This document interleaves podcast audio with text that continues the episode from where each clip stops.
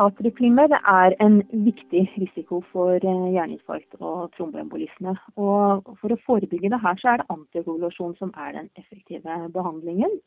Eh, for de med moderat til høy risiko for hjerninfarkt og atrieflimmer, så reduseres eh, risikoen med to tredjedeler ved å behandle med antikoagulasjon.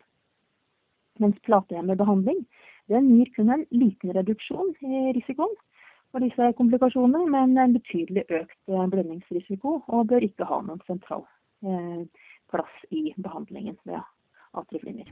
Nevrolog Anne Hege Aamodt har sammen med medforfattere skrevet en oversiktsartikkel over antikoagulerende behandling til pasienter med atrieflimmer. Forfatterne anbefaler bruk av risikoscore.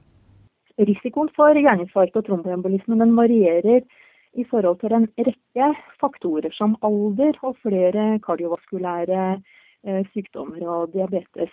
Og ved å bruke risikoscore, så er det lettere å vurdere den reelle risikoen hos den enkelte pasient, og velge behandling. Hvorfor anbefaler dere bruk av Chadsvask i artikkelen? Skåren Scoren Chadsvask eh, den inkluderer de viktigste risikofaktorene for hjerninfarkt og tromboembolisme ved atrieflimmer. Bl.a. hjertesvikt, hypertensjon, alder, diabetes, tidligere slag eller TIA, vaskulær sykdom og kjønn. Denne scoren gir en bedre differensiering av pasienter med lav og moderat risiko, og den er bedre egnet til å definere hvem som ikke trenger antikoagulasjonsbehandling enn eh, f.eks. SHADS-scoren som har vært brukt tidligere. SHADS-scoren inkluderer de viktigste risikofaktorene for hjerneslag ved atrieflimmer. Peroral antikoagulasjonsbehandling er anbefalt til pasienter med atrieflimmer som har én eller flere risikofaktorer. Varfarin har fått selskap av tre nye perorale medikamenter for pasientene.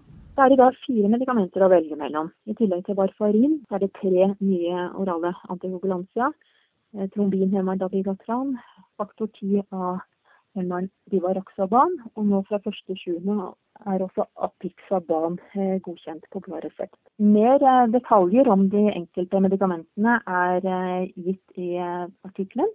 Og det er publisert en del praktiske råd fra Helsedirektoratet tidligere år, og senere i år så kommer de nye norske retningslinjene for antikoagulasjonsbehandling.